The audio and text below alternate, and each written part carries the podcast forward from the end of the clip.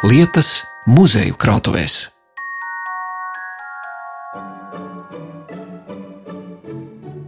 Vai zinājāt, ka dziesma reiz mežā dzima eglīte jau tika dziedāta pirmajā Latvijas brīvvalsts laikā, un ka dzinieks Jānis Akurāters ar savu sievu iepazinās Ziemassvētku vakarā? Pēc smalkas porcelāna cūciņu figūras bija ierasts svētku rotājums 20. gadsimta sākumā.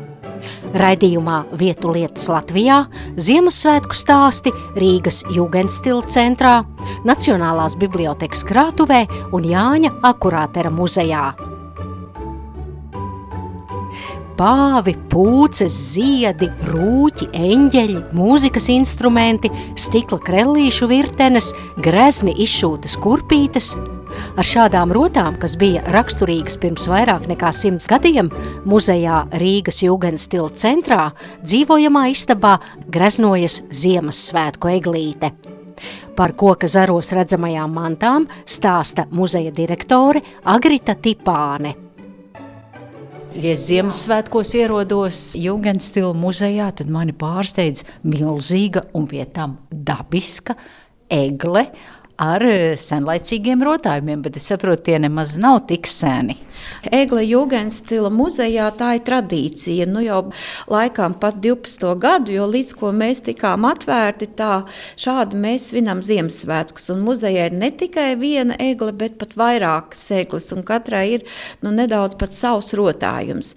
Katru gadu ir sava tēma, Un šogad šī tēma ir rotājumi, kurus pat var iegādāties mūsdienās, bet kas ir tapuši tik tiešām pēc šiem simtgadīgiem paraugiem. Tā kā būtībā šīs rotas, kuras sāka gatavot nu, 20. gadsimta sākumā, daudzas ir pārdzīvojušas laiku. Un varbūt nedaudz stilizētā veidā, bet varbūt arī precīzi tādā pat veidā ir izdzīvojuši līdz pat mūsu dienām. Jo te mēs redzam šādu šūpulīti ar diviem rūķiem.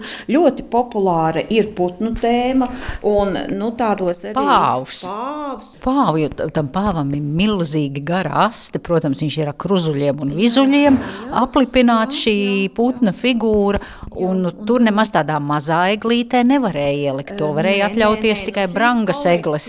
Ko taisa arī mūsdienās, kas ir pat tādu zināmu tirzniecības namu zīmols, nu, tās ir tik tiešām domāts ļoti tādām reprezentatīvām meglēm, lielām meglēm, lai to rotu arī var pamanīt. Un, protams, kad arī nu, tās nav no šīm lētākajām rotām. Nu, piemēram, vēl viens pāvis mums À, tam tā asti ir vēdekļa veidā izplesta. ir savādāk veidota.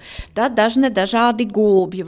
Nu, tā kā putnu tēma ir bijusi aktuāla būtībā gan 20. gadsimta sākumā, gan vēlākajos gados, gan arī mūsdienās kas uzmanību piesaista, ka varbūt nav tik daudz tieši to bumbuļu, bet es redzu, ka ir uh, mūzikas instrumenti, cilvēku figūras un apavi. Es skatos uz ļoti tādām greznām čībiņām, slidzābakiem. E, jā, nu, e, būtībā bumbuļu tēma tā ir daudz jaunāka, jo jau 19. gadsimta beigās un 20. gadsimta sākumā Eglis rotāja ar dažādu priekšmetu atveidiem.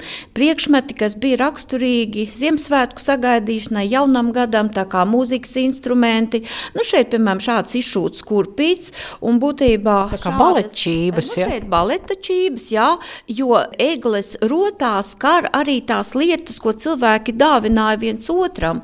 Un baletčības eh, bērniem, nu, tā bija brīnišķīgā kaldāvana jaunam gadam.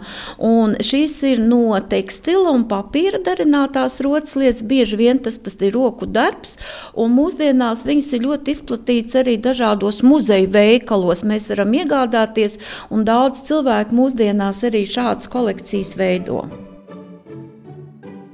Tā kā laiks no Ziemassvētkiem līdz vecgada vakaram tiek vadīts svinot, un cits citam vēlot labu gan mutiski, gan dāvanu veidā, tad Agrita Tipāne arī parāda nelielas figūriņas.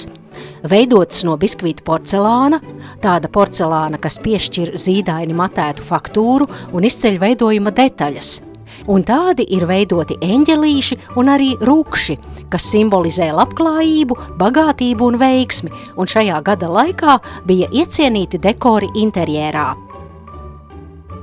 Acīm redzot, šādi darbiņi bija izplatīti kā dāvaniņas, kuras varēja viens otram dāvināt. Tātad mēs redzam mazu brīnišķīgu eņģelīti, kas sēž uz naudas maisa, un arī mums rāda šīs naudiņas. Tātad nauda, labklājība, maizīte, lai katru dienu būtu. Un iespējams, ka viņš vēl ir amoriņš, jo te ir kaut kāds bultu maks viņam. Tā kā visa laba vēlējuma ir šādā mazā skulptūriņā arī apvienoti. No kā tas ir gatavots? Es jau nav tas ir, tas ir porcelāns. Tas ir vismalkākais porcelāns, un tas ir tā saucamais biskvīts. Tas nozīmē, ka porcelāns netiek glazēts, un būtībā viņš mums atgādina telniecības darbu. Un mūsu muzejs ir papildinājis brīnišķīgu cūkas figūriņu, kur mēs, protams, liekam tikai uz Ziemassvētkiem. Atkal šis pārticības simbols, cūka tam laikam ļoti, ļoti raksturīgs elements. Nu, vai nu ar tādu arī varēja pat galda klājumu rotāt, vai kā šeit novietot. Un šeit blakus mēs redzam vēl divus mazus brīnišķīgus svečturīšus. Tie ir svečturi. Tie ir svečturīši. Ar jā, sivēniem. Ar sivēniem. Un paskatieties, viens stāv uz naudas, un otrs arī stāv uz naudas, un savā mutītē arī mums naudiņu nes.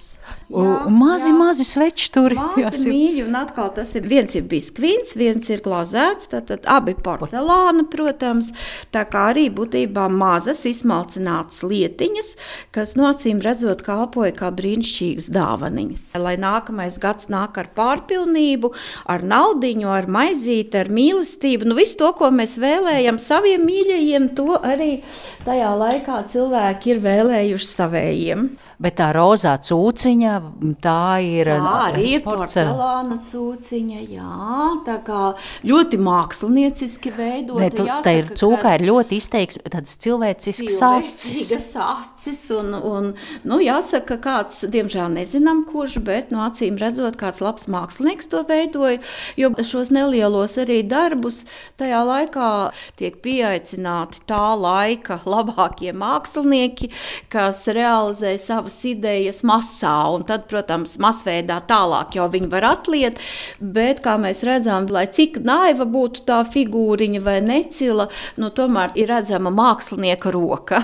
Es skatos uz to cūku, viņai tādas jaukas pūkainas ausis. Tas pūkainuma faktors ir panākts ar porcelānu. Un tas ir atkal pateicoties apgleznojumam, jo tas ir roku darbs. Tā kā to māksliniekam atkal ir izdevies pilnībā panākt tāds omulīgs suķis ar pavērtu muti nedaudz smaidā, pūkainām ausīm, sēž uz saviem brangiem šķiņķiem. Jā, Jā tāds nu viņš mums ir.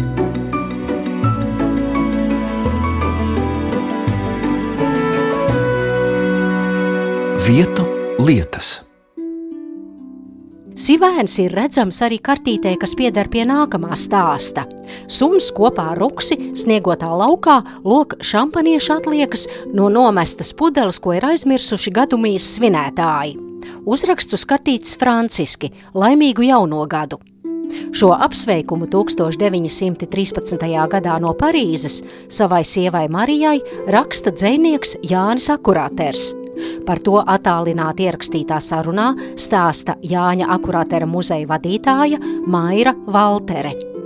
Tas ir pirms Ziemassvētkiem dažas dienas. Šakas redzēju pie sēnes pārdodot eglītes. Tad man tāda smeldze pēc visa, pēc kurzemes, pēc laukiem, pēc jums, tādas ilgas radās. Un tad ir tāda jauka pastkarte, ko viņš atsūta, kur nav gan eglītes, bet ir mm. tāda jauka ar sivēnu un, un, un, un sunīti. Paiet pāris gadi, un akurātērs sajūt pavisam citu Ziemassvētku noskaņu.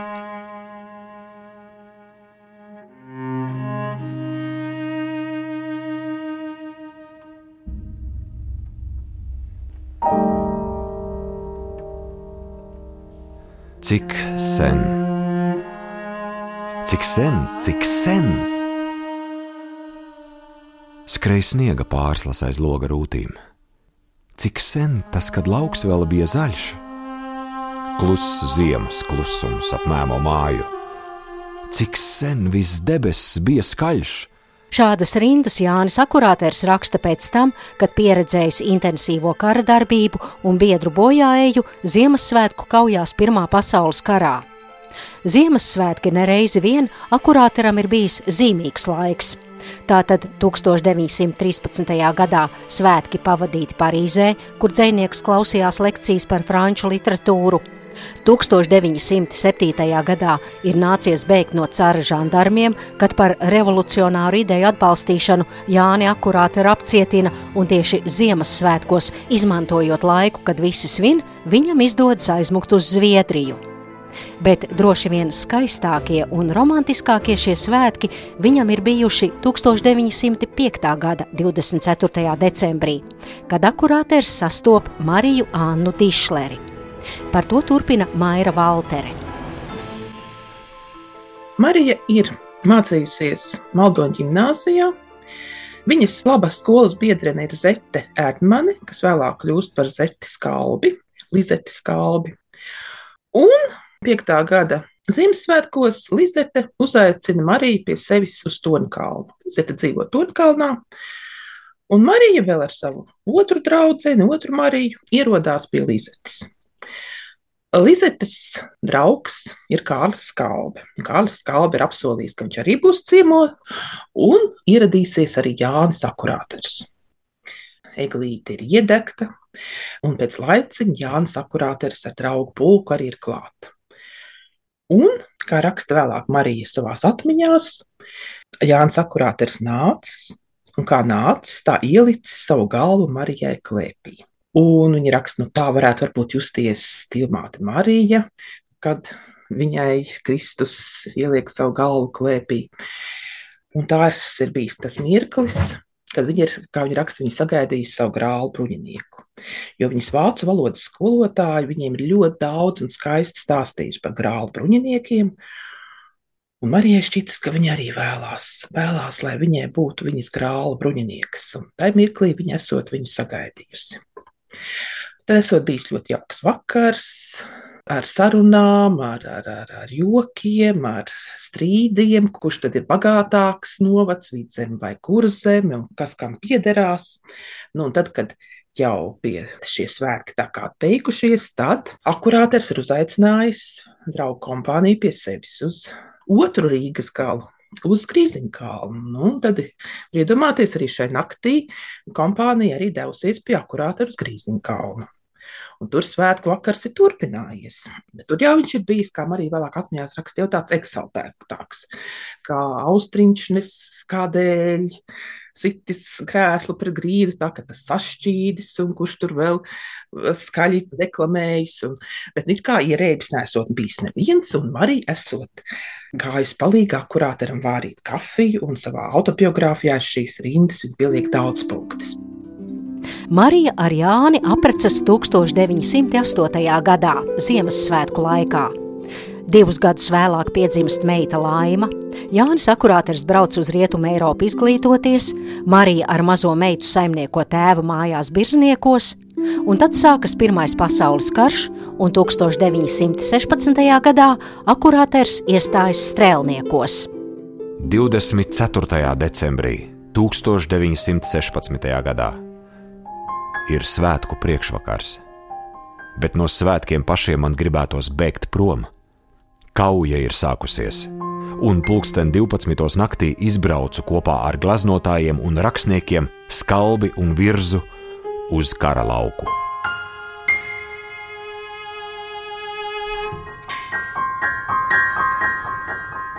Divdesmit piektajā decembrī esmu kaujas laikā tīreļpurvā un izpildīju arī pāris stundas savu pienākumu, dežurēdams sarga vietā ar flinti, ceļos, kuri ved no kaujas līnijas uz pārsienamiem punktiem. Te guļ cilvēki un zirgi. Pēdējie man liekas vairāk nožēlojami. Te man saka arī, ka Valdis Lasmanis, mans draugs, kritis kaujā. Viņš to paredzēja, viņš to paredzēja. Tā dzinieka un rakstnieka pieredzēto iestudējumā Ziemassvētku nakts kaujas laukā 2018. gadā ieskaņoja Latvijas radioteātrī. Par Jāņa akurātera strēlnieka gaitām Ziemassvētkos turpina Maira Valtere. Šāda ir pieredze akurāteram 16. gada Ziemassvētkos. Viņš raksta, ka kara gaisotne ir īpaša, jo tas ir neizskaidrojams spēks, kas dzen karavīrus kaujā. Un viņš citē tautas dziesmu, kas svēsta par to, ka labāk mani karā kāva. Sētā, jo karavīram liela slava. Un viņš raksta arī par to, ka nu, tas ir saprotams, kāpēc par karavīriem arī jūsmo. Un tajā ir kāda dievēns, mistisks, liels spēks. Un tas ir tas, ko viņš ierauga šai, šai 16. gada Ziemassvētkos. Pēc tam jau paies laiks, un janvāra beigās akurāters rakstījis, ka karavīri šinēlis nospiež ne tikai viņa plecus, bet arī viņa dvēseli. Pagājušā gadsimta 20. un 30. gados Jānis Akurāters ir laikraksta jaunākās ziņas līdzstrādnieks, un, protams, ka izdevumā šajā laikā ir svētku tematikai veltīti raksti un stāsti, kurus atcer arī Akurāters. Tas stāsts ir par ceļu Ziemassvētkos uz laukiem, uz laukiem, uz mājām, un tā neaizmirstamā vide ir tieši šī lauku vide. Bet akurāt ar stāstos tie sižeti ir dažādi. Nu, kaut vai viens, piemēram, kur pirms eh, lauku mājā gatavojas Ziemassvētkiem, un seniece saprot, ka viņai nav rauks, un sūta savu vīru, lai aizbrauc pie kaimiņiem, kur tiek darināts alus, aizbrauc pēc rauga. Kungs arī aizbrauc pēc tā rauga, bet nu, tas alus ir jānogaršo, nu, un jābauda arī tās mājas viesmīlība. Nu, un rezultātā kungs atgriežas tikai jau pēc trijām dienām, kad svētki ir beigušies. Jā, viņiem, protams, ir raugs līdzi, bet nu, svētki jau ir pagājuši.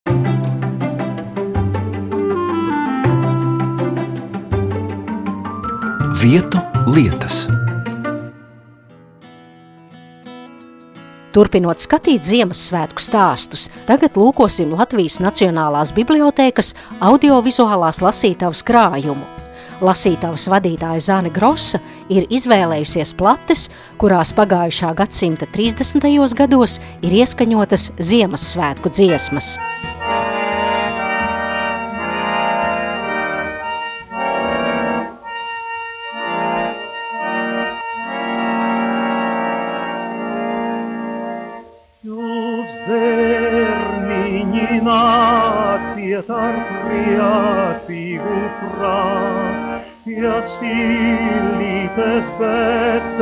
Betlēmē visi nu klāt. To prieku, lai katrs no sirsniņā jūt, kad evers tētiņš savu dēlu mums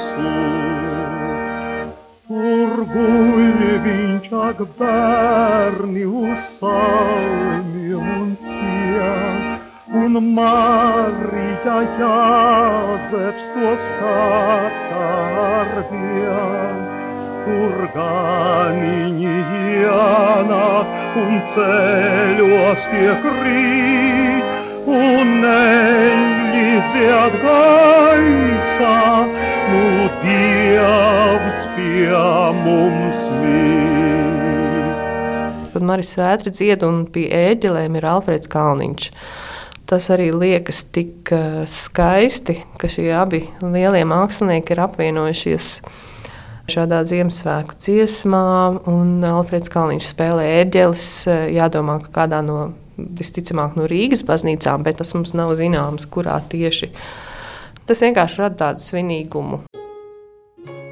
Zināms, ka operas dziedātājs Maris Svētra starpkara Latvijā bija populārs arī pateicoties Rīgā dibinātajai skaņu plašu fabrikai Belakorde Elektro, kas ieskaņoja gana daudz dziesmas ar Marisu Vētru. Tāda ir arī nākamā plate, par kuru stāsta Zane Grossa. Bet pirms klausāmies dziesmu, platē ir ierakstīta dzeja, kuru runā aktieris Teodors Lācis. No dievnamiem nes prieka vēsti zvani to nakti pieminot, kad ieraudzīja gani tā kunga eņģeli, kas teica tā. Tai Bēklēmē, tai mazā pilsētā ir dzimis pestītājs, par visiem varenāks, ko austrum zemļu gudrie pielūgt nāks. Tam silītē ir mīlīgs patvērums, nakts tumsībā viņš rīta zvaigzne jums. Ak, zvaigzne, tu caur postu un caur baismu, pār pasauli lej savu maigo gaismu, tai svētā naktī, kad tiek sludināts, lai miers virs zemes cilvēkiem labs prāts. Man likās ļoti interesanti šī Ziemassvētku deklamācija un dziesma, kur eh, vispirms sāks ar dzējoli, ko skaita Teodors Lācis, un tad uh, dzied Marijas Svētra. Un mani uzrunāja tas, ka Teodora Lāča dikcija tik ļoti skaidra un arī tāda svinīga, un, un es teiktu, nav īsti nozīmes, kurā gadsimtā un kurā gadā tas tiek runāts, jo tas tiešām rada to svinīgo atmosfēru, manuprāt. Un pēc tam arī svētra dzied šo Ziemassvētku dziesmu, kas mūsdienās ir pazīstama kā reiz mežā dzīmē glīte ar šo melodiju, bet interesantā lieta ir tā, ka uz plates etiķetes ir rakstīts vienkārši eglīte, Ziemassvētku dziesma. Un tikai paklausoties, mēs saprotam, ka tā ir šī mums zināmā reiz mežā dzīve eglīte, bet ar pilnīgi citiem vārdiem. Un jāteic, ka dzējolim mēs īsti autori nesam varējuši atrast un noskaidrot. Un tā, šī ir varbūt iespēja arī klausītājiem iesaistīties, un, ja viņi zina, mēs ļoti priecājamies vienmēr, ja mums kāds atsūta informāciju.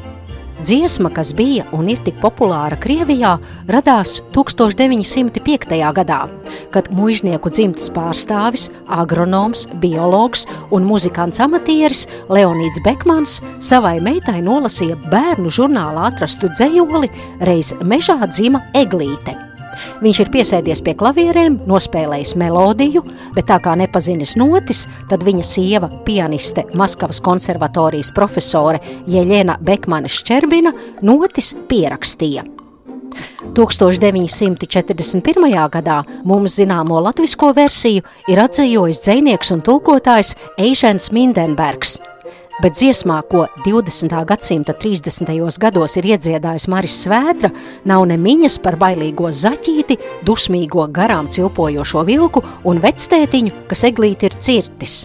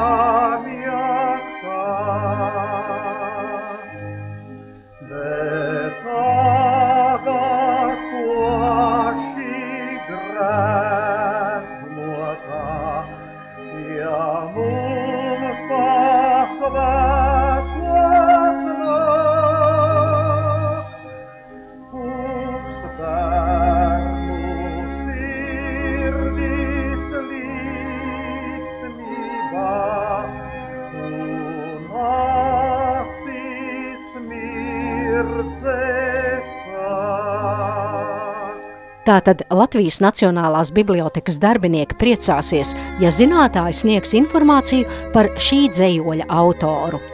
Savukārt, vēlot mierpilnus un priecīgus Ziemassvētkus, no jums atvadās šī raidījuma veidotāja Zane Lāce Baltalksne.